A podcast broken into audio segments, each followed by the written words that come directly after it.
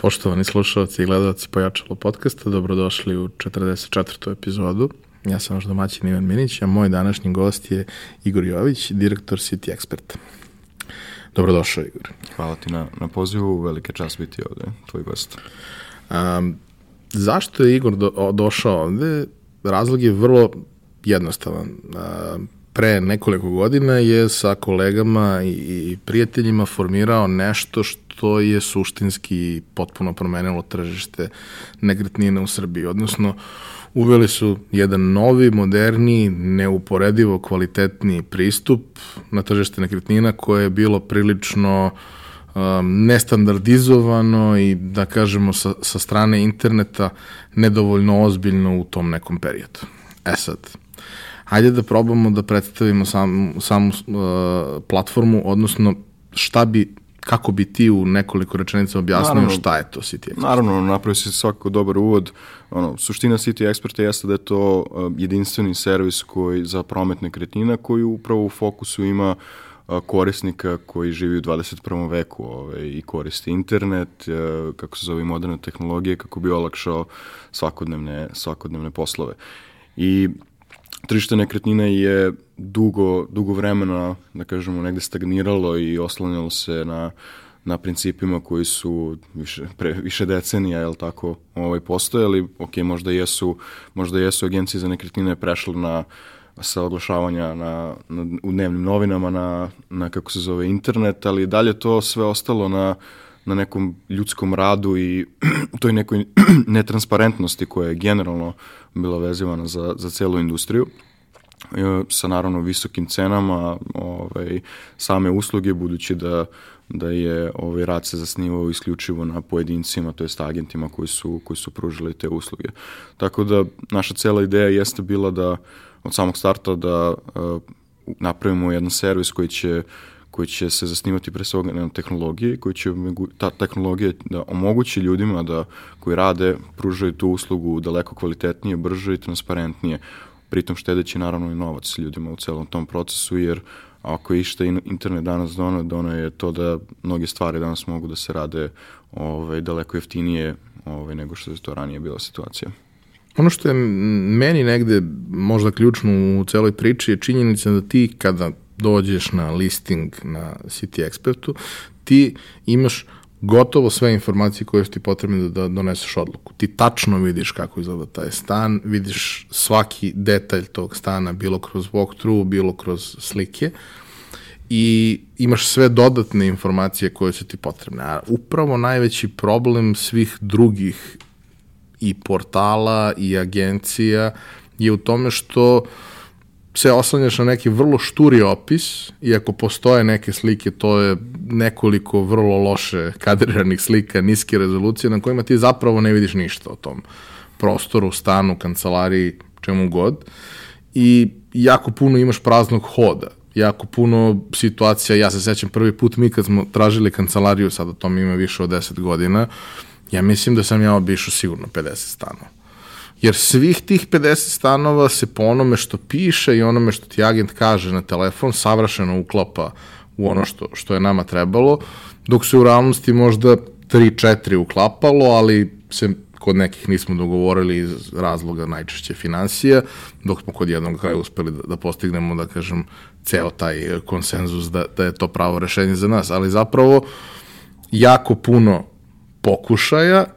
jako puno greški koje su iz čistog neznanja činjenice da prosto nemaš pravu informaciju da bi na kraju došao do onog što ti treba. Ljudi, mislim, ni mi tada i generalno ljudi nemaju vremena za tako nešto. Vidi, potpuno si u pravu ovaj, i negde sam početak City Experta jeste bio vrlo vezan za, za taj bio vrlo emotivan, ovaj, jer je došao iz tog nekog ličnog ovaj, lošeg iskustva prilikom traženja nekretnina. Ovaj, gde sam ja onako poprilično bio isfrustriran kao neko ko je tada radio i već tada 12 sati dnevno, ne znam, 10-12 sati dnevno i ono, svako slobodno vreme naravno želeo bih da provedem sa devojkom, ženom, prijateljima i slično, ovaj, a onda situacije da tražiš, da ti traženje stana odnese toliko količinu vremena, isfrustriran si svaki put kada odeš i vidiš da to nije ono što si, što si zamišljao i prosto budeš onako poprilično ljut ovaj, na celu tu situaciju. I kada sam završio, već bio taj ceo proces, to je bilo 2014. godine, proces traženja stana sa, sa tadašnjom devojkom, današnjom ženom, ovaj, i dalje me ta, ta frustracija onako poprilično držala, nisam mogao se pomirim sa tim koliko sam prosto vremena potrošio na to. I igrom slučaju upoznao sam tada Darka Lukovića, jednog eh, od osnivača danas u City Expertu, koji je, kojim sam, a to ono, kao novom prijatelju ispričao ovaj, kakva mi je frustracija bila vezana za traženje stana i koji onako iz, iz glave, Darko je super lik za, za ideje, stvarno, ono, mislim da, da čovjek ima uvek negde ono, dvadesetak ideja u, u Sakovu, ovaj, e, rekao mi je tu neku svoju ideju da kako on zamišlja da sve nekretnine mogu biti prikazane na jedan standardizovan način, ovaj, gde ne samo da bi postojala fotografija svake prostori, nego bi ona bila uvezana sa sa mapom stana, tako da zaista možeš da stekneš utisak kako taj stan izgleda i pre nego što odeš da ga pogledaš, jer to je, on, to je cela suština, mislim. I valjda sa tim, ovaj, sa tim negativnim iskustvom koje sam imao i emotivnim bolom koji sam osetio ovaj, u tom, koji sam osjećao u tom periodu, ovaj, kada mi je Darko ispričao tu ideju, mislim da mi je trebalo ono, bukvalno jedan dan, sutra sam ga pozvao, ej, ajde idemo u ovo ulazimo u to i krećemo. Tako da je baš onako kre, iz, iz, jednog, iz jednog vrlo lične situacije je krenula ta cela priča. Imali smo taj stvarno nagon da da napravimo nešto što će ljudima olakšati život, da ne dozvolimo da da ljudi ikada osete ono što smo, što smo mi osjećali. Tako da, ono, negde, da kažemo, taj founding block cele, cele priče City Experta jesu bile te prezentacije i u to vreme to bilo ono e, prva, prva inovacija koju smo videli da je potrebno na ovom tržištu. Ovaj, onda naravno kada smo krenuli u tu celu priču razrade, uključili su se uključilo se još ovaj uključilo se još ljudi City Expert ima šest osnivača što je onako prilično retko da da jedna firma ima toliko osnivača i pogotovo što su svi osnivači ovaj dolaze iz najrazličitijih ovaj delatnosti branši ovaj neki od nas smo se znali od ranije neki nisu tako da je to onako jedan prilično prilično bio ovaj i čudan i dobar spoj, spoj ljudi u tom trenutku. Ove, ali svi su bili gladni toga da, da napravimo zaista nešto što će, što će ovaj, promeniti način na koji, na koji ljudi uh, u to vreme iznajmljuju nekretnine, jer nismo u tom momentu razmišljali pretarano o prodaji, bili smo jako mladi, niko od nas nije imao ni, ni iskustvo u prodaji nekretnina, u toj skupovini. Ove, tako da, da, generalno ovaj, e, cela ta priča je da, dakle tako krenula. Ovaj, I tokom 2014. to je bilo negde polovinom 2014. kada smo Darko i ja krenuli, tim, je, tim se okupljao do kraja 2014. Radili smo na, razrađivali smo tu celu ideju, pričali smo ovaj, o tome kako, kako da rešimo sve te probleme i uh, mislim da je mart, april 2015. bio datum kada smo, kada smo krenuli sa radom. Na neki način uh, moj neki utisak gledajući to sa strane i kao neko koji je iznajmljivao najčešće za kancelarije, nisam ovako iznajmljivo stan, iznajmljivo sa stana dan i te stvari, ovaj, ali neko ko je, ko je kupovao nekretnine. Ono što se meni nekako čini, a mislim da ste vi kroz ovo što ste radili to jako dobro adresirali, to je industrija koja ima para. Mislim, to postoji nekakav realan novac koji dođe kao posljedica toga što ste spojili kupca i, i prodavca, odnosno onoga koji izdaje i onoga kome je potrebna nekretnina. Uh, ono gde je problem uh, je broj koraka koji se desi umeđu vremenu i broj pokušaja koji učini da ta količina novca jednostavno nije dovoljna možda da to bude isplativo. Ali sećam se kada smo, kada smo pričali, vi ste tad bili još, da kažem, ne, ne na početku, ali ste bili u nekoj ranoj fazi svega toga i imali ste neke zanimljive statistike koje, koje su meni bile fascinantne, to je da uh, ako je u, u, u prosečno nekoj situaciji u, u kontaktu sa, sa agencijama potrebno možda 10, 15 ili u mom slučaju 50 ovaj, obilazak, u vašem slučaju uh, tri, četiri su bila više nego dovoljna da svako nađe ono što mu treba, jer on dolazi sa vrlo lepim predznanjem o svemu Naravno, nije isto dok ne dođeš i vidiš to zapravo uživo, ali nemaš ispričanu bajku, nego imaš vrlo konkretno iskustvo, čak neke od stvari koje ste ubacili su mi bile posebno genijalne, a to su oni momenti koji su, koliko su računi, koliko su sve te stvari, jer to su sve neke stvari koje mogu da budu vrlo negativno iznenađenje. Naravno, i naš, ono, naš ceo koncept se zasnivao na tome da što je više moguće informacija pružimo korisniku pre nego što zakaže gledanje nekretnine i na taj način uštedimo vreme. Ovaj, konkretno kada pričaš o toj statistici koliko ljudi gleda nekretninu, koliko, koliko da kažemo ti kao zakupac ćeš pogledati nekretnina pre nego što se odlučiš da neku iznemiš, taj broj je zapravo dosta manji u izdavanju, nam je to trenutno 1,8. Dakle, 1,8 nekretnina čovjek pogleda prosečno da bi iznajmio nekretninu i to je zaista Ovaj, da, to je zaista fascinantno. To je, to je suština onoga što smo mi želeli da postignemo. Ove, mi često imamo situaciju, na primjer, pogotovo sada u prodaji, ove, jer u prodaji je ta brojka čak manja, 1,2. Znači 1,2 1,2 nekretnine kupac prosečno pogleda pre nego što se odluči za kupinu. To je prosek, naravno ima i, ima i situacije gde je više nekretnina, ali to je prosek. Ovaj, I mi često imamo situaciju, na primjer, e, da nas prodavci, vlasnici nekretnina pozovu, ne znam, nekretnina je objavljena možda je dan, dva, tri na, na sajtu i kao, pa još uvijek niko nije došao da pogleda ovaj, konkretnu nekretninu. Druge agencije su mi, ne znam, poslale 15 15 kupaca, znaš, pitanje uvijek, pa dobro, da ste li je prodali? ovaj, tako da nije, upravo se sve svodi na to da uh, ljudi većinu posla tog u traženju, u procesu traženja nekretnine mogu da završe online. Ovaj, čak i ako nešto nismo predstavili uh, dovoljno informacijama i potrebno neka dodatna informacija, mi se uvijek trudimo da to rešimo, to pitanje rešimo pre nego što do samo gledanja dođe. Uh, to nam je tehnologija danas omogućila i naš način rada koji smo danas, kako smo ga koncipirali, to nam je omogućio. U suštini da se sve optimizuje maksimalno, Tako je. da se uštedi vreme i vama, a i onima koji, koji treba da gledaju nekretninu i onda to da. u, izazove, da kažemo, mnogo bolje korisničko iskustvo na kraju nego što je uobičajeni slučaj. Mislim, znam dosta ljudi koji su rentali stanove, ovaj, koji su našli stanove zapravo preko City Experta i svi su u fazonu bili, sada je to, sada je to već postao standard, ali na početku kao ovo je bilo mnogo bolje nego što bih očekivao, a to je vrlo redko, vrlo redak tip iskustva u bilo kojoj interakciji u, u, u Srbiji sa, sa kompanijama, naročito novim mladim kompanijama. Tako da verujem da i to doprinulo ovaj, da, da momentum na početku bude dobar. E sad, a, rekao si a, da se skupila ekipa iz najrazličitijih oblasti i da ste a, se pripremili dobro na celu priču i odlučili da uđete u nju. Iz kog backgrounda si ti došao i šta su neke stvari koje si ti doneo,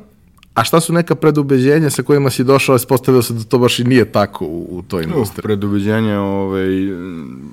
uvek ima i konstantno ovaj, se dešava da shvatiš da za neke stvari nisi bio u pravu i mislim da je to uh, vrlina zapravo preduzetnika da ništa ne uzima kao fiksno, ništa nije fiksno. Ovaj,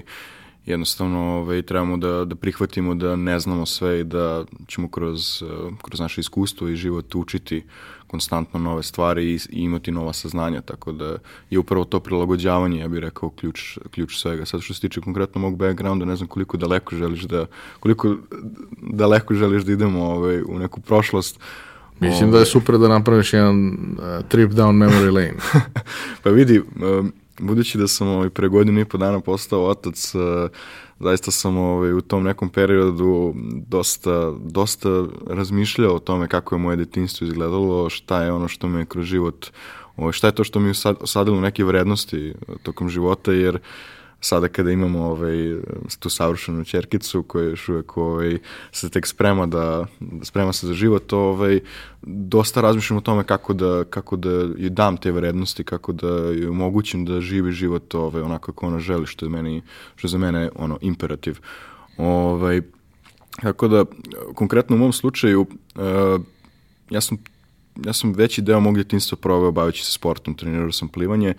i uh, nisam, dugo vremena nisam bio svestan koliko je to zaista imalo utice na moj život i kakve vrednosti sam zbog toga zaista ovaj, stekao. Uh, ja sam prestao sa plivanjem negde da kažemo, početkom srednje škole i tada sam onako bio, čak mogu reći, isfrustriran kao uf, potrošio sam posljednjih 9-10 godina baveći se nekim sportom koji eto, u životu mi neće ničemu služiti, ali nije, nije bilo tako. To me zaista naučilo nekim jako važnim lekcijama strajnosti, upornosti i tome koliko, ovaj, koliko rada moraš da, da uložiš u nešto da bi, da bi dalo rezultate. Uh, i naučilo me i drugim stvarima, mislim, nekim vrednostima koje, ovaj, kojih nisam tada bio svestan, jer pored samog sporta meni je, ja ću reći, najveća škola u životu su mi bili roditelji. Ovaj, sad, obično preduzetnici imaju onu neku priču kako su imali dobrog uzora, otac im bio preduzetnik, ono, moji roditelji nisu bili ovaj, dobri preduzetnici, uh, bili su sjajni roditelji, bili su jako posvećeni roditelji i konkretno kada je taj sport u pitanju, ja nisam bio svestan uh, vrednosti toga da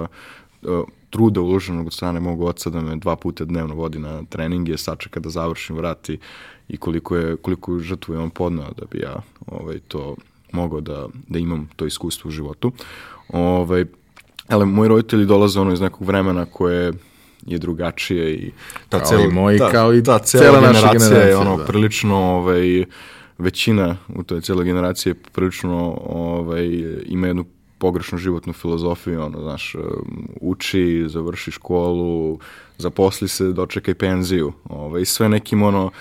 ovaj, stabilnim koracima i već kao da život treba da ti bude predodređen, ono, trebaš u srednjoj školi da odlučiš eh, kako će ti život izgledati. Ovaj, eh, I generalno ta cela generacija, poput i mojih roditelja, naravno su uh, tokom života bili jako malo spremni da rizikuju i da pre svega rade ono što će ih činiti srećnim. Znaš, uvek su nekako se fokusirali na to da obezbede dovoljno za, za porodicu. Sigurna egzistencija. Da, sigurna egzistencija, što s jedne strane mogu i da razumem, naravno, verujem da moja generacija ne može danas da razume to vreme ovaj, i kako je bilo imati dete 90-ih i slično i kakav to utjecaj imalo na, na ljude, ali upravo gledajući moje roditelje kako su, kako su ovaj, se obhodili prema poslu i generalno u tom smislu prema životu, mi je bila najveća lekcija ovaj, u životu kako treba eh, kako treba se postaviti, koje su neke vrednosti koje, treba, koje čovjek treba imati. Ovaj, I to mi je definitivno, to je na primjer jedan od uh, bitnih razloga kada sam i odlučio da napustim plin, sam shvatio da to nešto mene u tom trenutku više ne zanima. I nisam želao da provedem više vreme, da provodim vreme radeći nešto što me ne zanima, ovaj, iako je to značilo da ću ostaviti nešto što sam uložio jako puno truda. Ovaj, tako da od tog nekog trenutka ta srednja škola je zaista meni bila prelomna ovaj, gde, gde sam onako skupio hrabrosti i krenuo da radim stvari koje sam u tom trenutku želeo da radim i radio sam mnoge stvari ovaj, prva, ono, možda prva bitna, bitnija stvar mi je bila da sam sa 17 godina krenuo, nisam još osnovao firmu, pošto legalno nisam mogao da osnovim firmu, ali sa 18, čim sam napunio 18 godina sam i osnovao, ovaj, bavio sam se product, product, ovaj, event productionom, Ovaj, tu sam između ostalog upoznao i Stefana Stojanovića, jednog od osnivača ovaj, City Experta, koji ono, sa kojim sam imao zaista neverovatnu avanturu tih nekih možda godinu dana ovaj, tokom našeg rada. Imali smo onako zaista za, za, godine, za godine koliko smo mi tada koliko smo mi tada mladi zapravo bili, ovaj, smo imali dosta velikih uspeha u tome što smo radili. Uh, uspeli smo čak da budemo i uh, da dobijemo uh, da kažemo poziciju podizvođača za Insomnium Global koju to vreme radila Sensation White kao najveći festival na zatvorenom ovaj, uh, i u Srbiji. Tako da ovaj, to je bilo onako jedno ludo vreme gde smo, gde smo zaista eksperimentisali, radili svašta. Stefan me na neki način uveo u, u sve tehnologije i Stefan je genije. Ono, zaista prvi, prvi ono, real genius kog sam upoznao u, u životu, čovjek ko, za koga ne postoji zadatak koji ne može, ne može nekako da se reši. Ono. Samo mu daj vremena. Da, bila je situacija, ono, dođem, ove, dođem ispred njegove gajbe, dam mu na papiru kako hoću nešto da, da rešim, on me pogleda, kaže, ma ti si lud, ovo, ovo ne može. Zove me posle dva, tri sata, smislio sam ono. Tako da zaista smo ono razmišljali out of the box već tu i to su bili ono neki prvi koraci ovaj, koji su već pokazivali jasno u kom pravcu ćemo ići. Uh, ok, bili smo jako mladi, uh, imali smo puno ono nekih privatnih uh, želja, ambicija i stvari koje se dešavaju, tako da smo taj biznis negde stavili po strani, Stefan je ovaj, gurao neku svoju priču, ja sam ovaj, e, tokom 2000, početkom 2000, ne 2019. pardon, nego početkom ovaj, sa nepunih 19 godina uh, upoznao osnivače uh, Fly Fly Travela, kompanija koja je nažalost bankrotirala u 2018. godini, ali je, ono, imao sam tu neverovatnu priliku da da dođem u kompaniju koja, koja je zaista pomerila granice na tržištu ovaj, na toliko polja. Ovaj, došao sam u kompaniju kada imala svega 20 zaposlenih, ot, otišao sam iz nje kada imala stotine zaposlenih i bila prisutna na, mislim, sedam tržišta u regionu. Ovaj, došao sam kao project manager, otišao sam kao direktor razvoja i ovaj, neko ko je uz same osnivače činio u tom trenutku, da kažem, onaj top management. Ove, I celom tom iskustvu sa Fly Fly Travelom sam imao o, priliku da se susretem sa najrazličitijim granama ovaj, delatnosti od uh, osiguranja, gde smo faktički ovaj, napravili potpuno, potpuno jednu neočekivanu stvar kada je u pitanju prodaja avio karata, gde smo zamenili onaj klasičan vid zarade koje su, koje su tada agencije za prodaju avio karata imale stavljajući tiket na cenu ovaj, na svoj tiket, da kažemo, kao zaradu na cenu avio karata koje su imale prema avio kompanijama. Mi smo malte ne izbacili taj ceo deo i uveli taj segment osiguranja ovaj, koji je napravio nevjerovatnu stvar. Ovaj, mislim da smo u jednom trenutku ovaj,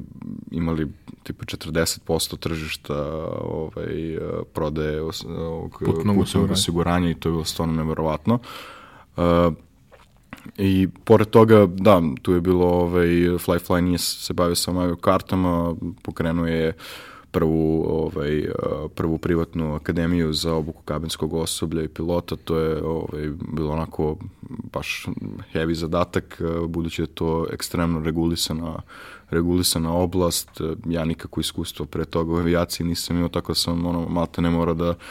za jako kratko vreme sažvaćemo ove, zakone i sve da kažemo principe po kojima industrija funkcioniše. Ovaj, I tome smo da uspeli, tu sam između ostalog upoznao i e, moju današnju ženu, ovaj, tako da su imali ovaj, često šalu tamo, ovaj, da kažu za moju ženu, eto, ovaj, preko, preko Fly Fly dobila obuku, dobila posao, dobila i muž. ovaj, da, E, tako da daiste jedno, jedno fenomenalno iskustvo, ok, pored te, pored te ovaj, akademije, ground handling service koje je Fly Fly pružao, zastupništvo nekoliko aviokompanija u regionu, to je sve onako bilo baš jedno veliko iskustvo. I Fly Fly je na neki način ovaj, zapravo u to vreme bio startup, s time što ja tada nisam znao šta startup uopšte znači, ovaj, ali on imao sve premise koje jedna startup ima i razmišljenje koje jedna startup ima, ali da niko toga nije bio svestan i da nije bio svestan ni zajednice koje postoje oko startupa, ni mogućnosti koje startup, startupovi imaju. Doduše tada mogućnosti nisu bile velike ovaj, u to vreme. Tako da, da, to mi je onako bilo jedno zaista fenomenalno iskustvo i iz toga sam onako direktno izašao u City Expert ovaj, kao novu priču, nešto što me onako zaista ovaj, osvojilo me, onako, osjećao sam veliku, veliku ambiciju u svemu tome sam imao da, da promenim način na koji ljudi iznajmljuju i kupuju sutra nekretnine. Ovaj, tako da mi je to, to iskustvo koje sam u, u Fly Flyu bilo onako velikog značaja. Došao si iz jedne industrije koja je ekstremno regulisana, ali koja je ekstremno regulisana jako dugi niz godina samim tim, iako postoje veliki možda zahtevi, ti znaš koji su koraci da dođeš do, do rešenja, da, da ih ispuniš i tako dalje. A ušli ste u nešto što je u jednom periodu bilo gotovo potpuno ne, barem kroz neke ozbiljnije ovaj, regulative. I bukvalno se desilo tako da smo uh, mi 2014. kada smo razrađivali celu ideju, nikakav zakon nije specifično regulisao tu branšu, mi kako smo došli, ne znam, februar smo osnovali zvaničnu firmu i bukvalno u tih mesec dana ono, pred lansiranje sajta ono, stupa zakon na snagu. Kakav sad zakon, šta je sad ovo? Ove, ovaj, ali to je zapravo nama bilo prilično dobro, jer loše bi bilo zapravo da smo krenuli bez toga i da je onda nakredno zakon usvojen i da smo morali da se kao i većina tržišta prilagođavamo tome. Ove, taj zakon nam je ono dao jasne smernice kako moramo da radimo. Mislim, nisam, uh, nisam ovaj, pobornik takvih zakona, ovaj, ne verujem da, da delatnosti trebaju toliko da budu definisane, ovaj, što, što je i slučaj u većini evropskih zemalja da su zaista delatnosti poprilično, poprilično slobodne, ovaj, ono, reguliš, regulisane zakonima koji su opšti poput obligacijonih zakona, građanskih zakona i slično. Ovaj, ovaj zakon je ono bio prost, nametnut uh, iz prostog razloga što same agencije i samo tržište agencije za nekretnine u tom trenutku je bio ono divlji zapad. Niko nije znao šta radi, kako radi, bilo je potpuno neregulisan, neregulisani su bili finansijski tokovi, niko nije mogao da prosto zna uopšte šta se tu dešava. Ovaj, tako da da, taj zakon je to ovaj, došao kao, pos, kao, kao posledica toga. Uh, i nama nije bilo toliko teško da se prilagodimo tom zakonu jer smo bili novi, tek smo počinjali, još uvijek smo sve razrađivali, ali verujem da je ostatku tržišta koji su tu jako dugo bilo to popriličan problem. Možda jedina, da kažemo, kompleksna stvar kod tog zakona koja i dan danas ne razumem zašto je, zašto je tako regulisana, jeste da je cela ta delatnost agencije za nekretnine ovaj, e, potpala pod, e, pod regulaciju zakona o finansi, sprečavanju finansiranja terorizma i pranja novca, ovaj, čime su faktički ta branša svrštena ono, sa kladionicama, bankama. Visoko rizičnim. Visoko rizičnima, u istinu zaista nije. Ovaj, što, je, što od nas iziskuje neku dodatnu kontrolu same korisnika, moramo da uzmemo lične dokumente korisnika i slično, što je onako poprilično ovaj, heavy, Ovaj, da, treba objasniti i korisniku da je takav, takav da, propis. Mislim, pogotovo u Srbiji gdje ti imaš ono situaciju da, ne znam, ministar izađe i kaže, ono, ne dajte nikome lične karte, svašta može da se desi i onda ti kažeš, pa ja moram da vam uzem ličnu kartu da biste gledali stan, to je onda, znaš, poprilično, ovaj, poprilično bilo kompleksno da Ali dobro, vidi, e, mislim da kako god nije, nije nam situacija toliko, ovaj, toliko sada otežavajuća, niti je, niti je zakon nešto što nas preterano ograničava u tome da, da radimo. Moramo uvek naravno da razmišljamo o tome kako da budemo u, ovaj, sinkronizovani sa zakonom i na svu sreću ovaj, zaista smo imali Mi smo inače od starta, ovaj, kada smo i pokretali firmu, imali ono, tu neku politiku da, da sve radimo ono by the book. Ovaj, I plus što kada smo negde ono tog perioda kraj 2015. do polovine 2016. smo imali onako ozbiljne, o, ozbiljne napade od strane drugih agencija sa inspekcijama na svake dve nedelje koje su se smenjivale, ovaj, tako da nas je onako to još dodatno nateralo da sve eventualno ovaj, stvari koje nismo uradili u tom trenutku kako je trebalo budu apsolutno čiste i do dana danas, do današnjeg dana prosto ovaj, to držimo. Ovaj, tako da, hvalim. Um, hajde da probaš da mi predstaviš kako je bilo organizovano poslovanje, bez da previše zalazim u, u detalje i poslovne tajne, ali otprilike kako je izgledao proces za vlasnika stana, kako je izgledao proces susreta sa City Expertom. A, pa na samom početku ovaj, naša, naš fokus e, što se tiče same inovacije i tog, te vrednosti koje dajemo je bio pre svega izražen e, ka prezent, na, na prezentaciji nekretnine ovaj, i sajtu koji će omogućiti korisnicima da vide nekretninu ovaj, u najboljem mogućem svetlu. Uh, A, međutim, taj a, e, ostatak procesa u tom trenutku nismo, nismo previše, previše menjali. Mi smo i dalje imali ljude koji su išli na gledanja. Ovaj, imali smo naravno ekipu koje su slikale nekretnine. Ovaj, tako da ceo taj proces nakon što, nakon što mi nešto objavimo na sajtu i korisnik vidi je bio poprilično sličan uh, da kažemo uh, onome kako su agencije do tada radile. Ovaj, i ok, mi smo to dosta unapredili, imali smo call center koji je,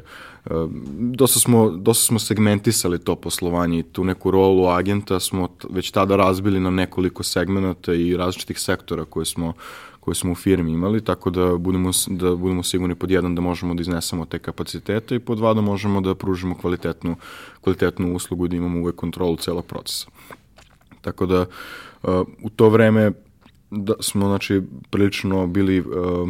da kažemo uh, blokirani kapacitetima ovaj, što, što nas je udarilo po glavi negde tek krajem 2016. Kad, jer do tada smo imali onako poprilično abnormalan rast u broju izdavanja, u broju korisnika na sajtu i poslovima koje smo radili. Ovaj, I onda smo došli u jednom trenutku do situacije ono kao, uf, vidi, o, ovo iziskuje na mesečnom nivou ono 10 novih zaposlenih, 10 novih zaposlenih, iako mislimo da rastemo i to je ovaj, zaista bio veliki problem u to vreme. Ovaj, sad kao i, kao i svaki startup onda smo došli ovaj, u fazu pivotiranja, eksperimentisanja i traženja ovaj, ono, pravog modela kako možemo prevazići te probleme. I tu je bilo jako, naravno, jako puno pogrešnih pivotiranja, pogrešnih nekih pravaca i razmišljenja, ovaj, da bismo danas došli do ovoga što, do modela e, i biznis procesa koji danas imamo, koje je ono, maltene potpunosti online koji omogućava korisnicima da zakažu nekretninu, odu direktno na nekretninu, uh, da pogledaju sami sa vlasnikom bez našeg neke frikcije, našeg prisustva jer je ono potpuno nepotrebno, a s tim uh, uz to, uz konstantnu podršku ovaj, uh, support centra u kome rade agenti koji su zaista stručni za svaki od segmenta koji, koji je potreban tokom procesa. Tako da smo, po, em podigli, em, em smo rešili taj problem kapaciteta koji smo imali, em smo zaista podigli nivo usluge, jer ono, jedna zanimljiva statistika, na primjer, jeste da kada smo prodaju radili sa predstavnicima na terenu, ovaj, to sa agentima na terenu, tada je jedan agent mogao da proda, ne znam, tri možda nekretnine, maks mesečno, jer to je prosto uh, maksimum njegovog kapaciteta da kode na sva gledanja, za, onda mimo gledanja, ili tako komunicira sa kupcima i sve to poprilično oduzimalo vremena. Mi sada imamo situaciju da jedan agent može 10 plus nekretnina da proda bez ikakvog problema. Ove, I taj ceo deo još uvijek ono, i dalje razrađujemo ove, i delimo ga na nove, nove segmente, raščlanjujemo šta je tu pravni deo usluge, šta je ove, da kažemo neki konsultantski, tako da ove, nam je to zaista otvorilo vrata ka, ka mnogo većim obimu posla koji možemo da podnesemo ovaj, sa biznis modelom koji radimo. E, ali e, da bi došlo do toga da uopšte stan bude izlistan, potrebno je da ekipa obiđe, uslika stan, da. prikupi kompletnu dokumentaciju. Da, mi imamo tu zaista tim fenomenalnih ljudi, sve počinje od uh, tima koji se bavi komercijalnim poslovima, mi ga zovemo komercijala, ove, tim, taj tim radi, mislim to implicira da se bave samo akvizicijom, oni rade mnogo više od toga. Uh, mi, smo, mi smo prilično onako inovativan biznis model i ljudima je često koji nisu čuli za City Expert potrebno jako dobro objasniti kakav je to naš koncept rada i objasniti kakve vrednosti uh, dobijaju oni uh,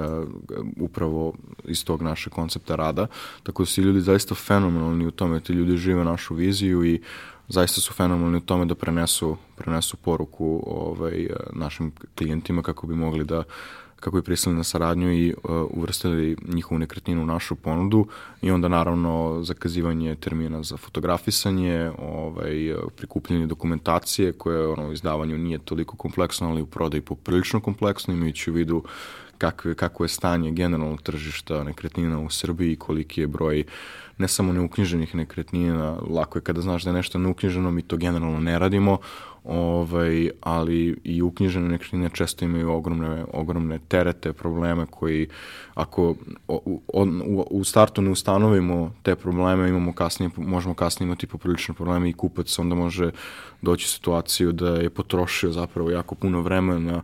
misleći da će da pregovara za nekretninu koju može da kupi, a sutra se ispostavi da ne može iz XY razloga. Tako da je to zaista jedan odgovoran posao i onda tu dolazimo naravno do, do fotografa koji su ambasadori faktički naše firme, jer su oni jedini koji, koji imaju uh, uvek face-to-face kontakt sa, sa vlasnicima nekretnina I ono, kad god pričam, na primjer, sa prijateljima koji su koristili našu uslugu, uvek je ono komentar kako su on sjajni fotografi. To je zaista, taj tim ljudi je fenomenal. To su generalno vrlo kreativni ljudi, čim su fotografi. Ovaj, ali zaista sjajna jedna ekipa ovaj, ljudi. Kada oni završe ovaj, svoj posao na terenu, dakle fotografišu nekretninu, snime video, prikupe sve što je potrebno, onda imamo a, sektor postprodukcije koji radi magiju. Ovaj, za tu, tu magiju celo je ovaj, da kažemo, iskomponovao Stefan Stojanović, ovaj, tako da to bude, to je zaista neverovatno brz proces. Mi od uh, onog sirovog materijala koji dobijemo u roku od 10-15 minuta izbacujemo prezentaciju koja je jako, jako dobro ovaj, sa produkcije strane urađena. Ovaj, to je on zaista jedan proces eh, koji, s kojim smo od samog početka to ponosni i Stefan je ono potpunosti zaslužen za to kako to, kako to funkcioniše. Ovaj, i, I tu se, da, da kažemo, negde završava taj proces uh, uvrštavanje nekretnine u samu ponudu, nakon toga onda preuzimaju ostali sektori koji, pre svega sektor ovaj, bilo da je za prodaju ili za izdavanje, ovaj, koji rade s, em, sa vlasnicima na, na postavljanju prave cene, pravljenju prodajne strategije i slično, do naravno vođenju samog kupca kroz ceo proces ovaj, kupovine, pred, naravno kupovine pregovora i dolaska uopšte do, do kupovine, tako da to je otprilike ovaj, neki, neki sled kako to, kako to sve izgleda. Koliko vam je vremena trebalo trenutka kad ste, da kažemo, zvanično ušli u celu priču, da neću da kažem zauzmete dovoljan deo tržišta, nego da pokrijete dovoljan deo nekretnina, da vi možete da kažete, e, sad ok, ovo je ozbiljno, ovo je relevantno, jer upravo to zahteva prilično veliki footwork za, za, za ekipu koja to radi uh, i kako je uh, krenuo, kažemo, komercijalni aspekt cele priče, odnosno koliko vam je vremena trebalo da postanete održivi? Mhm. Pa, znaš kako, mnogo smo planirali pre početka, i baš smo onako detaljno isplanirali kako će mesec po mesec ovaj teći i mislim da, da kada smo lansirali sajt prošlo svega možda nekoliko dana kada smo mogli samo da uzmemo taj plan i bacimo ga ovaj Jasno. bacimo ga dole pošto ništa nije išlo po planu ovaj i sve je raslo zapravo mnogo brže nego što smo mi ovaj mogli da pretpostavimo mislim ja sam ja sam kada smo kretali napravio kao neku kao neku uh, predikciju koliko ćemo nekretnine izdavati narednih možda 12 meseci ili do kraja godine, ne mogu da se setim.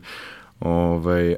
i neverovatno je bilo da smo to za niko nije verovao, čak ni ja sam nisam ono kao, to je ono, to nam je neki cilj, to želimo da postignemo, ali sa vrlo malim oscilacijama, plus minus 5% smo pratili taj, taj trend e, malte ne do kraja godine, ovaj, tako da smo zaista jako brzo rasli, mi smo već e, posle nekoliko meseci, možda dva, tri meseca imali skoro 20 zaposlenih, ono, a plan je bio na šest osnivača, radimo možda jedan, dva zaposlena i ovaj, to polako se razvija, nije, sve, sve je bilo samo ne polako, tako da smo se jako brzo razvijali i to je naravno imalo ovaj, koliko je dobro, toliko je i loše, imalo dosta i loših strana tome da prosto kada se nešto jako brzo razvija, raste, onda dosta, dosta stvari ovaj, uh, se razvije loše. A ne možeš da ovaj, iskontroliš. Nemaš, da, nemaš, nemaš prosto ni vremena da staneš i sagledaš uh, ovaj, kako je jedan segment koji si napravio, da li je to nešto dobro ili loše, ovaj, jer prosto već ti dolaze sledeće stvari ovaj, i rast se nastavlja, tako da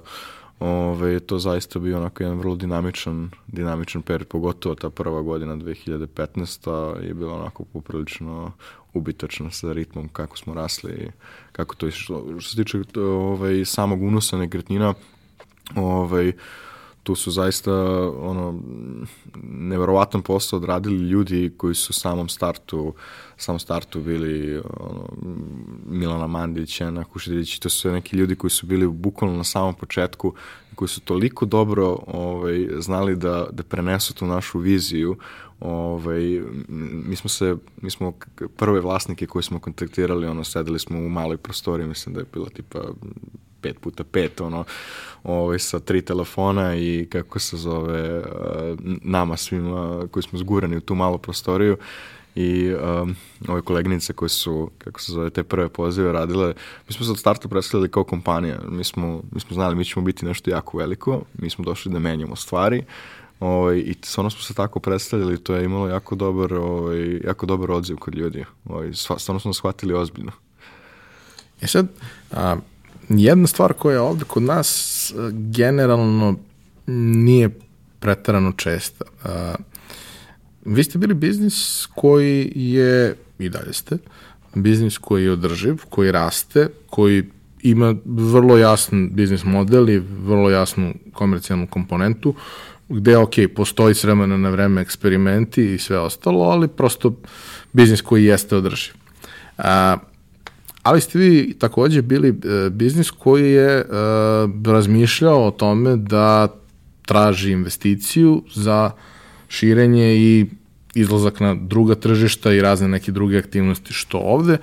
Obično ljudi e, ne razmišljaju o tome na taj način. Ovde ljudi razmišljaju i o kreditu onda kad je već kasno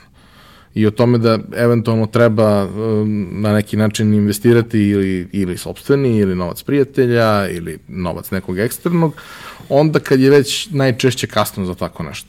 Uh, čini mi se da ste vi to uradili na vreme, sa dobrom namerom i da su to investitori prepoznali. Kako je uopšte došlo do toga da vi uh, razmišljate o investiciji, šta vam je bila ideja, kako ste došli do onoga sa kim ste na kraju realizovali investiciju. Naravno, ovaj, pa vidi, moram da te razočaram, ovaj, da nažalost smo kao i većina ljudi ovaj, u Srbiji nismo bili svesni ovaj, toga kakve sve opcije finansiranja postoje. Ove, za nas je to bila poprilično nepoznanica, da postoje neki tamo visi fondovi koji ovaj, uložu novac, um, ono, da se troši budući profit, jel te, ovaj, i da veruju da nešto zaista može toliko da poraste. Nama su ono opcije bile prilično ograničene što se, što se tiče finansiranja od ono sobstvenih sredstava koje smo prilično do kraja 2015. iscrpeli do pozemica od raznih prijatelja kako bi ono pregurali sledeći korak, pregurali sledeći korak. Ovaj, cela situacija i upoznavanje sa, sa uh, South Central Venturesom koji je danas naš investitor je bilo potpuno neočekivano za nas. Mi jesmo razmišljali o tome kako da se financiramo, ali opet kažem nismo, nismo uopšte znali da postoji. Mislim, nismo znali šta je to. Uh, tako da, mislim da je bio decembar 2015. Jeste, decembar 2015. to baš kraj, negde možda 25. i tako nešto. Ovaj, uh, samo me Vuk Berenić, ovaj, osnivač Cargoa, kome ovom prilikom želim samo da pružim podršku u borbi koju imaju. Uh, Pozvao me i pitao, ej, kao šta radiš ovaj, ne znam, sutra, ćeš da pijemo kafu sa jednim potencijalnim investitorom. Ja kao, kakav sad investitor, čemu pričala, ajde, ajde da se vidimo na kafi. Ovaj, I seli smo, ovaj, i tada smo seli sa, sa predstavnikom ovaj, uh, investicijnog fonda. Taj investicijni fond je bukvalno tek dolazni na tržište, oni nisu još uvijek nijednu investiciju radili, ništa. Ovaj, I kada smo ono shvatili kakav je to koncept, kako to bukvalno se otvorio novi svet, ovaj, šta, kak, kakve su generalno mogućnosti ovaj, za, za ekspanziju i rast uh, firme. Uh,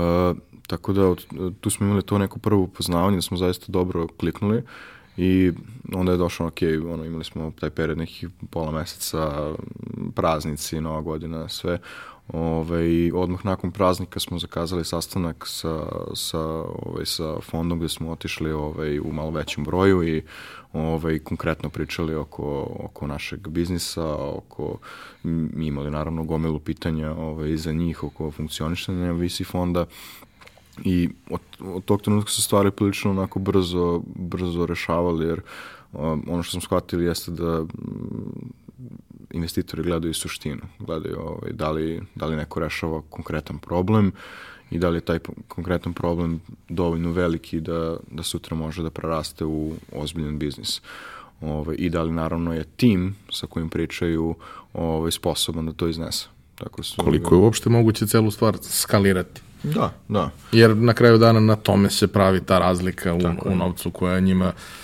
osnovni motiv. Ono što isto ljudi često kod nas ne razumeju je da e, naravno postoji različitih fondova, postoji različitih faza investiranja u nešto,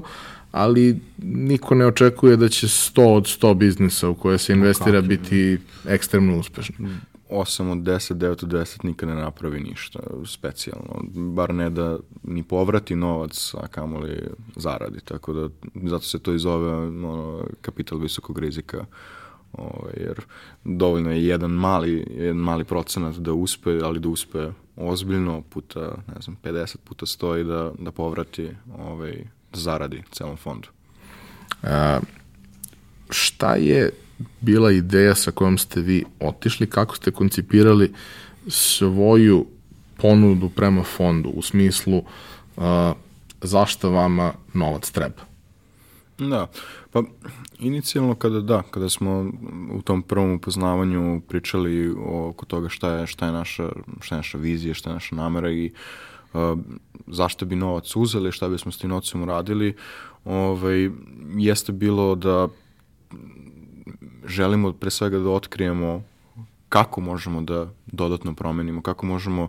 da uh, ceo proces dodatno optimizujemo, kako možemo da, da ga napravimo da bude daleko skalabilnije od onoga što je u tom trenutku bio i zatim naravno kako ćemo kada ga napravimo skalabilnim da to i izvršimo kako ćemo se proširiti na nova tržišta. Tako da um, istina jeste da u tom trenutku smo znali da imamo određene segmente na kojima moramo da radimo i da koje moramo tek da, da otkrijemo kako da rešimo, ovaj, ali ono što su investitori kod nas videli jeste da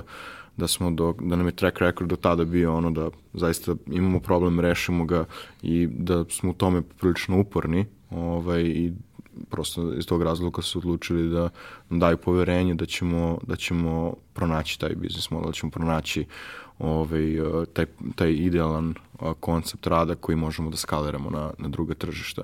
U tom trenutku taj biznis model kakav jesmo imali je bio prilično težak za skaliranje, pogotovo sa, sa gomilom agenata koji idu na svako gledanje i slično, tako da Jedna od bitnih stvari koje ljudi takođe e, ne, ne uzimaju u obzir u dovoljnoj meri kada je rad sa ozbiljnim investitorima i ozbiljnim investicijim fondovima u pitanju jesu kontakti, znanje, iskustvo koje ti uz to dobiješ. Ne dobiješ samo novac, dobiješ ceo jedan paket koji je u nekim situacijama možda i vredniji od tog novca koji dobiješ. Apsolutno se slažem s tobom. Mislim da je, mislim pre svega ono, kratak uvod, South Central Ventures je jedan, ako ne od prvih uh, VC fondova koji su, koji su bili prisutni. Uh, Deo te ekipe koja, koja vodi sada SC Ventures je pre toga vodio RSG Capital, tako je, dok tako je, nisu ali, ispunili ciklus tog tako fonda je, i otvorili nešto oni novo. Oni nisu bili tada prisutni u Srbiji. Tako je. Ovo, ovaj, tako da je ovo prvi put da je neko, da je jedan investitivni fond prisutan u Srbiji. Ovaj, i zaista su odradili fenomenalan posao. Mislim, cela ekipa ovaj, koja stoji iza fonda je, je fenomenalna i ono, vrednost koju smo dobili uh, sa njihovim učešćem u radu kompanije je daleko veća, ja bih rekao, od, od novca koji smo dobili, ove, jer su oni uvek bili taj neki ono, sanity check, uh, da li ovo što radimo ima smisla, nema smisla. Uh, pivotiranja nisu laka, jer to znači da nešto probaš, nešto ne radi uh, i to često može ono, dosta da, da utiče na moral, na, na, ovaj, na, na to kako se, kakva je dinamika tima i slično i oni su tu zaista odigrali ključnu ulogu da, da uvek budu taj neki kamen oslonac svima nama da, da ovaj, šta god da radimo i koliko god da, da, koliko god da neke stvari pogrešimo, da uvek znamo je ok, vraćamo se, idemo ponovo. Tako da da zaista cela ta ekipa iz fonda je fenomenalna. Jan Kobler koji je ovaj, managing partner u fondu je meni lično i celoj firmi zaista ovaj, bio ovaj, jeste i dan danas ja, jako bitan partner. Ovaj, I cela ekipa, naravno ostatak ekipe u tom fondu je fenomenalan od uh, vedrana koji sedi u Hrvatskoj koji je zaista fenomenalan lik uh, i dosta mi je značio za, za razne neke stvari koje se tiču ovaj, finansijske konstrukcije i uopšte razmišljenja o ovaj, um, finansijskim konstrukcijama kada je u pitanju ovaj, koncipiranje biznis modela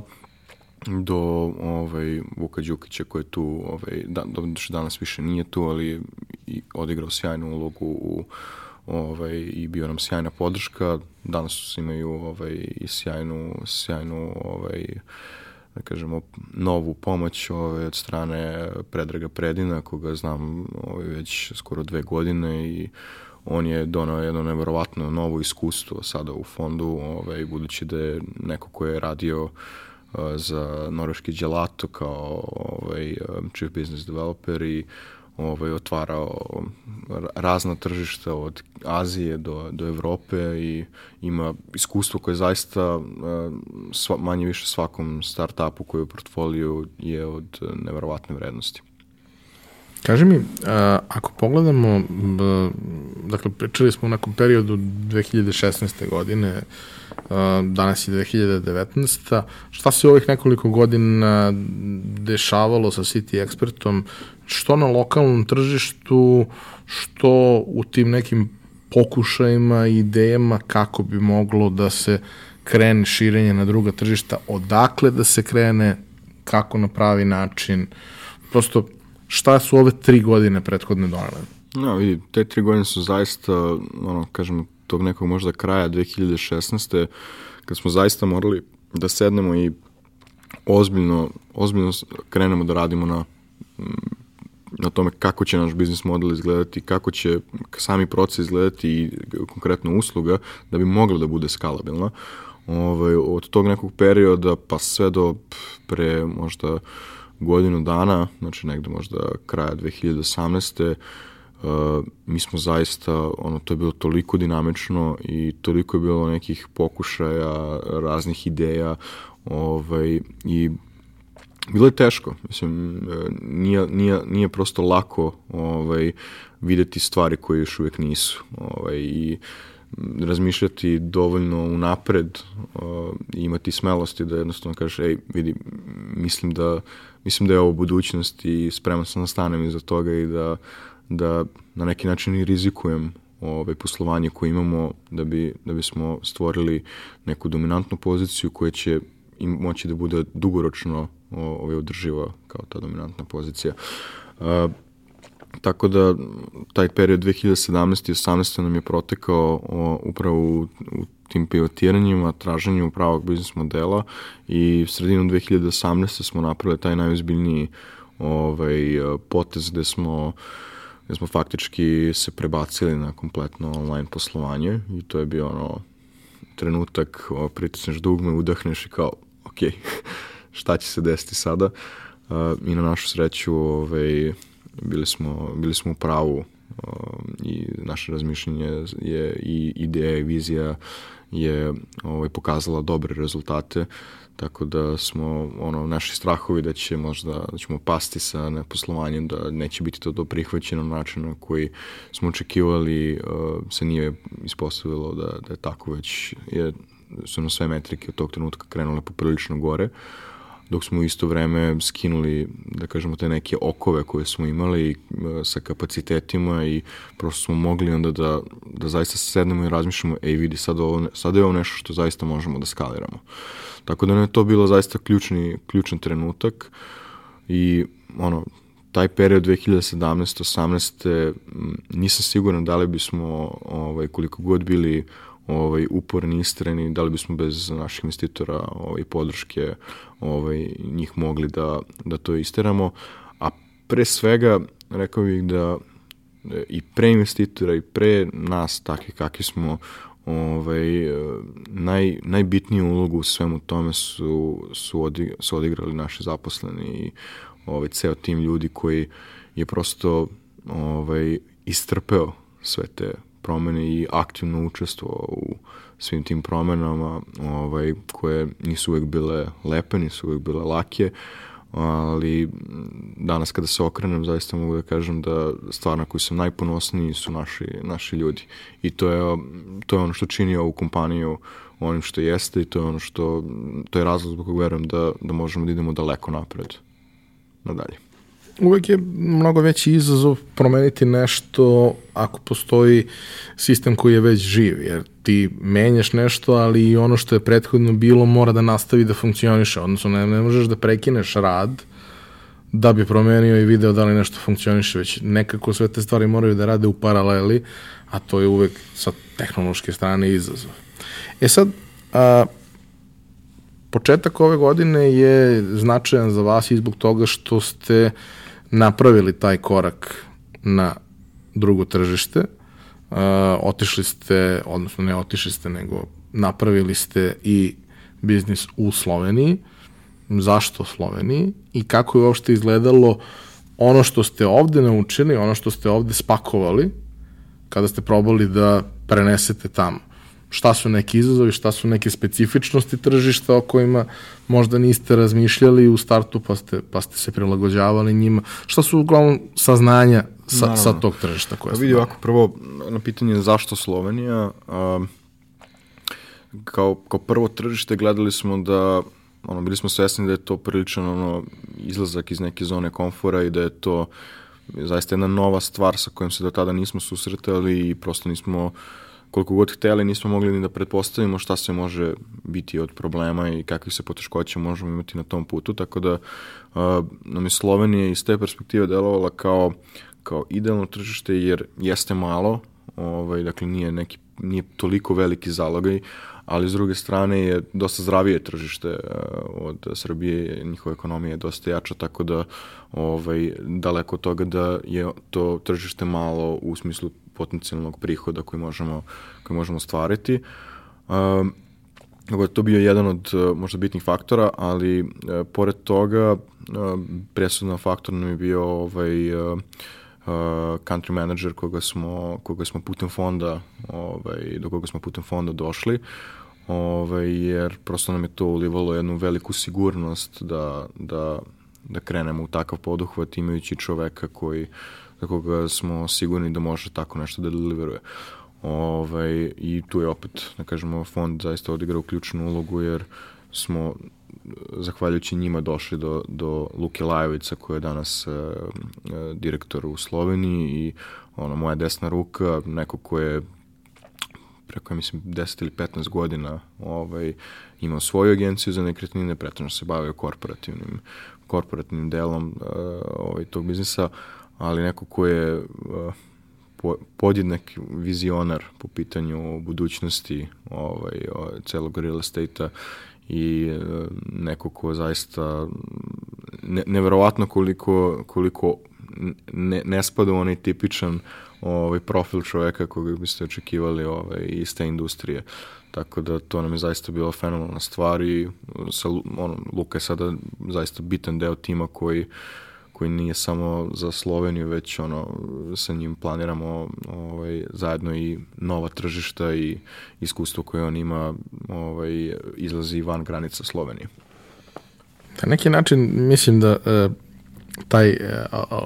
loš, ne loš, ali taj specifičan imidž ovaj, nije toliko vezan za agente za nekretnine koliko recimo agente za osiguranje. Taj, taj moment onako baš ovaj, nije sjajan i tu kad naletiš na osobu koja je ok, to je baš veliko iznenađenje. Kod agenta za nekretnine prosto ono, bilo ih je mnogo, mislim da ih je ova regulativa koja je došla dosta isfiltrirala, da to više nije nešto što svako proba pa ako uspe ok, nego već Svakako, to da. zahteva da položiš neke ispite, da dobiješ licencu, to je proces koji, na koji nije baš mnogo ljudi spremno, ovaj, tako da mislim da, da, da to možda ovaj, nije, nije, nije bilo loše ovaj, u celoj priči, ali e, odlazak u Sloveniju podrazumeva da e, na neki način e, je potrebno podeliti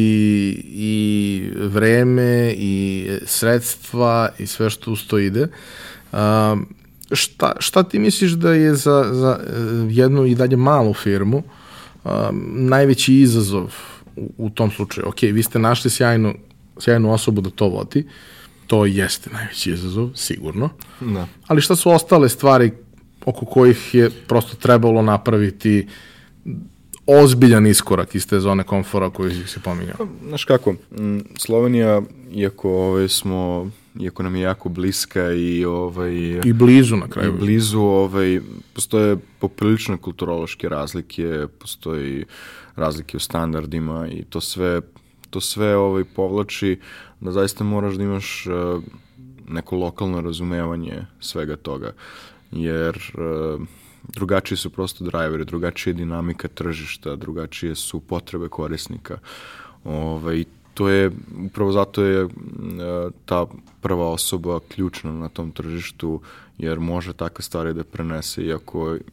ako je dobar fit sa, sa managementom kompanije, onda uh, može zaista na pravi način da usmeri ovaj, uh, i resurse i akcije ovaj, ka postavljanju nečega što će zaista donositi vrednost ovaj, korisnicima. Ono, bez pretrivanja da smo bez Luke Lajovice krenuli sami da otvoramo Sloveniju, da smo rekli, ej, kao, kao i Srbija radimo sve isto, to bi bio ogromna, ogromna greška.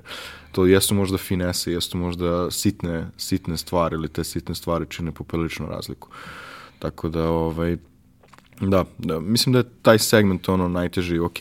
naravno i prilagođavanje njihovim zakonskim regulativama, ali to nam taj deo nam možda nije toliko teško pao, ovaj, jer zaista smo toliko se već izveštili u Srbiji sa konstantno, konstantnim prilagođavanjem uh, svim zakonima. Znači, mi, mi zaista ne gledamo samo zakon koji reguliše branšu koju radimo, mi smo, ovaj, mi smo vrlo ažurni po pitanju svih drugih zakona od zaštite podataka ličnosti pa nadalje, tako da tu zaista smo, zaista smo ovaj, e, nije nam toliki problem bio onda da shvatimo potrebu, nije nam bio problem da shvatimo GDPR i ovaj, koji je tada već stupio na snagu u Evropskoj uniji ovaj, i da se prilagodimo tome. Naravno imali smo ovaj, podršku jedne od možda tri najbolje advokatske kancelarije tamo, ali nije nam bilo teško da sažvaćemo potrebe i da, da se prilagodimo tome. Ovaj, tako da da, to, to je možda, to su možda da kažemo neki ovaj, od većih uh, izazova. Sam, sam proces možda zapošljavanja ljudi je takođe ovaj, onako možda tricky u početku, ovaj, gde uh, upravo zbog tih kulturoloških razlika navikao si da, da u, u zemlji gde posluješ gledaš određene kriterijume kada su ljudi u pitanju koji dolaze da rade kod tebe, ali onda dođeš u zemlju gde prosto da ta, ti principi i standardi su malo drugačiji ovaj, i zaista smo, smo imali neverovatne sreće da uh,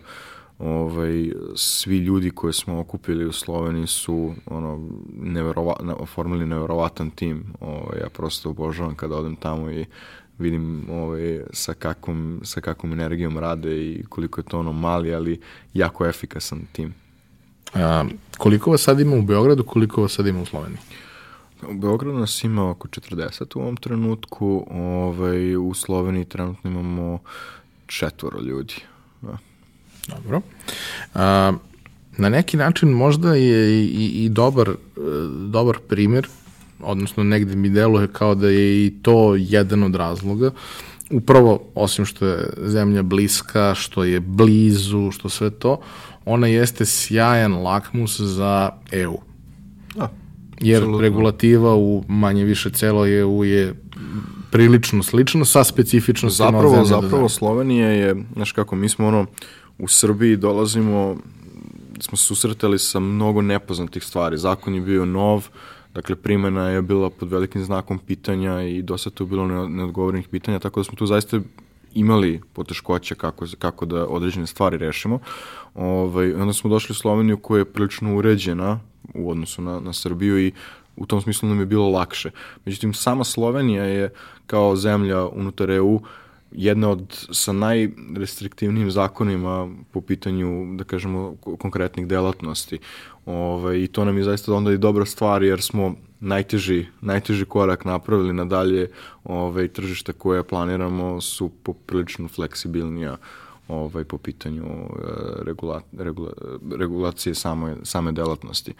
Ali opet na, na kraju dana, sada kada smo to rešili jednom za, Sloveniju, to, je, to su zaista samo ovaj, minimalne izmene koje trebamo imati od tržišta do tržišta kada pričamo o, o regulaciji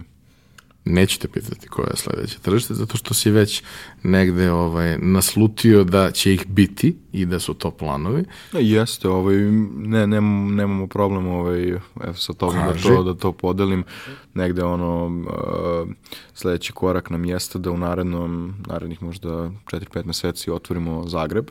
Ove, ovo Slovenija, Ljubljana nam jeste bila testno tržište i pored Ljubljane ćemo svakako otvarati sada i dodatne regije u Sloveniji i taj na, taj način testirati upravo taj rad, taj način rada gde gde smo prisutni u jednom, možda najvećem gradu u toj zemlji, ali ovaj, možemo da radimo na, na kako se zove, u više gradova ovaj, većih u toj istoj zemlji, tako dok je Slovenija možda nije idealan primer kao ni Jer je Srbija. blizu sve. Ne u tom smislu, nego je prilično centralizovana, mala je zemlja, kao i Beograd koji je centralizovan, to je Srbija centralizovana sve u Beogradu i Novom Sadu gde smo prisutni, ovaj, zemlje koje nadalje planiramo i ono što je naša ambicija su takve da prosto imamo daleko veći, veće mogućnosti po pitanju broja gradova koji možemo raditi unutar jedne zemlje. Ovaj, tako da ćemo tu imati taj vrlo bitan, bitnu fazu učenja u Sloveniji u narednim mesecima. I ono, Hrvatska nam je negde logičan logičan sled, vrlo je slična Sloveniji, opet s druge strane i u nekim, nekim momentima i Srbiji, tako da je negde logično da zaokružimo tu celinu da imamo Srbiju, Hrvatsku, Sloveniju i to nam je ovaj, sa time da kažemo završavamo tu neku našu ranu fazu ekspanzije ovaj, koje, koju gledamo ono kao testiranje, kao ovaj, učenje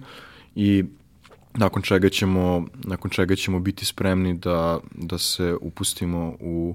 onaj, neke da kažemo, blitzkrieg e, ekspanzije sa, sa mnogo većim tržištima. Mm, za ovih četiri godine prošao si prilično komplikovan put i vidim da ti nije žao, vidim da si, da si bio spreman na to i da si želeo to, možda nisi baš očekivao sve što ti se izdešavati. Moja žena ima ovaj drugi izraz, ono, dovoljno si lud za to. e, a, upravo sam to hteo negde da, da te pitam, a to je, a, mi kroz ovo što radimo na neki način pokušavamo da a, napravimo prostor u glavama ljudi koji ovo slušaju. Ljudi kao što smo ti i ja već ulaze u te stvari, nama ne može se pomogne. Ali ono što bi nekako bilo sjajno je kada bismo imali manje otpora od ljudi koji su u našoj neposrednoj okolini kada u to ulazimo. Kada bi nam manje ljudi reklo nemoj to da radiš, ostani na sigurnom poslu, znaš ti koliko je to rizično, koliko je to opasno, uh, hoćeš porodicu, imaš porodicu, zašto bi uopšte tako nešto rizikovo, a na neki način uh, mnogo je sve to lakše kada imaš podršku. Uh, kada neko ovo sad gleda sa strane, i razmišlja o nečemu sličnom u nekoj drugoj industriji. Jer sve ove naše priče, bez obzira što su vezane za specifičnu industriju, zapravo su vrlo primenjive na neku drugu. Odnosno, ne, možda Absolutno. nije nešto što može da se preslika, ali ne znam, ako je uh, Radoslav pričao o specialty kafi, tome kako je gradio tržište specialty kafi, građenje svakog tržišta je manje više isto, da li u pitanju kafa, vino, pivo ili u pitanju ili su u pitanju nekretnine, uh, uh, limo servis, odnosno uh, kako se već to sad zove, ovaj, uh, naručivanje vozila koje nije taksi prevoz, već je nešto drugo. Svaka od tih stvari negde zahteva vrlo sličan set stvari, samo što su neke stvari možda brže, a neke malo sporije. Ali e, iskustva i vrednosti su univerzalne koje se u celom procesu kupe. E, šta je tvoj, tvoja poruka nekome ko razmišlja da uđe u nešto slično i ako bi mogao da se obratiš njihovom neposrednom okruženju, šta bi im rekao, odnosno šta bi voleo da, da je neko rekao tvom neposrednom okruženju kada si ulazio u to? Pa vidi, ovaj, ja sam imao da prilično ovaj, takvu situaciju kada sam i City Expertu snimao, ono, napuštaš ovaj, napuštaš dobru poziciju ovaj, e, sa jako visokom platom i zaradom u, u godinama kojima imaš, ovaj, da bi ono otišao nešto potpuno nepoznato gde narednih x vremena nepoznato nećeš primati ništa jer jel te, ti si preduzetnik. Ovaj, znaš kako, m, ljudi, ljudi u Srbiji nažalost e, nisu imali toliko, toliko dobrih primera ovaj, uspeha takvih priča, uh, da, bi, da bi prosto znali ovaj, šta je ono na, na drugoj strani. Uh, I to je, mislim da se tržište polako po tom pitanju, ne tržište, nego svest ljudi polako menja, ali da to ide, to mora jednostavno ići polako i, ići će polako sve dok ne bude bio upravo dovoljan, dovoljan broj takvih primera. Ali možda bitnije od toga jeste kultura kakvu, koju generalno imamo, ovaj, možda ne samo u Srbiji, dosta je ona zastupljena i na ostatku Balkana, ovaj, tog nekog straha od neuspeha, straha od uh, toga da se pogreši. Ovaj, I to je,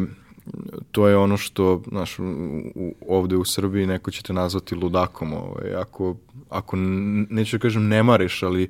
potpuno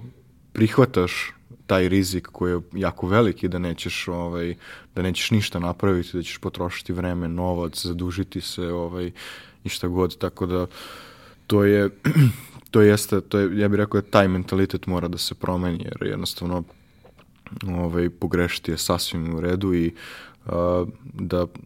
ono, čovečanstvo ne bi išlo napred, da postoji konstantan strah od toga da se nešto ne pogreši i da, da jednostavno put kojim se krenuo Niko ne bi nije, probao ništa novo. Niko ne bi probao ništa novo, da.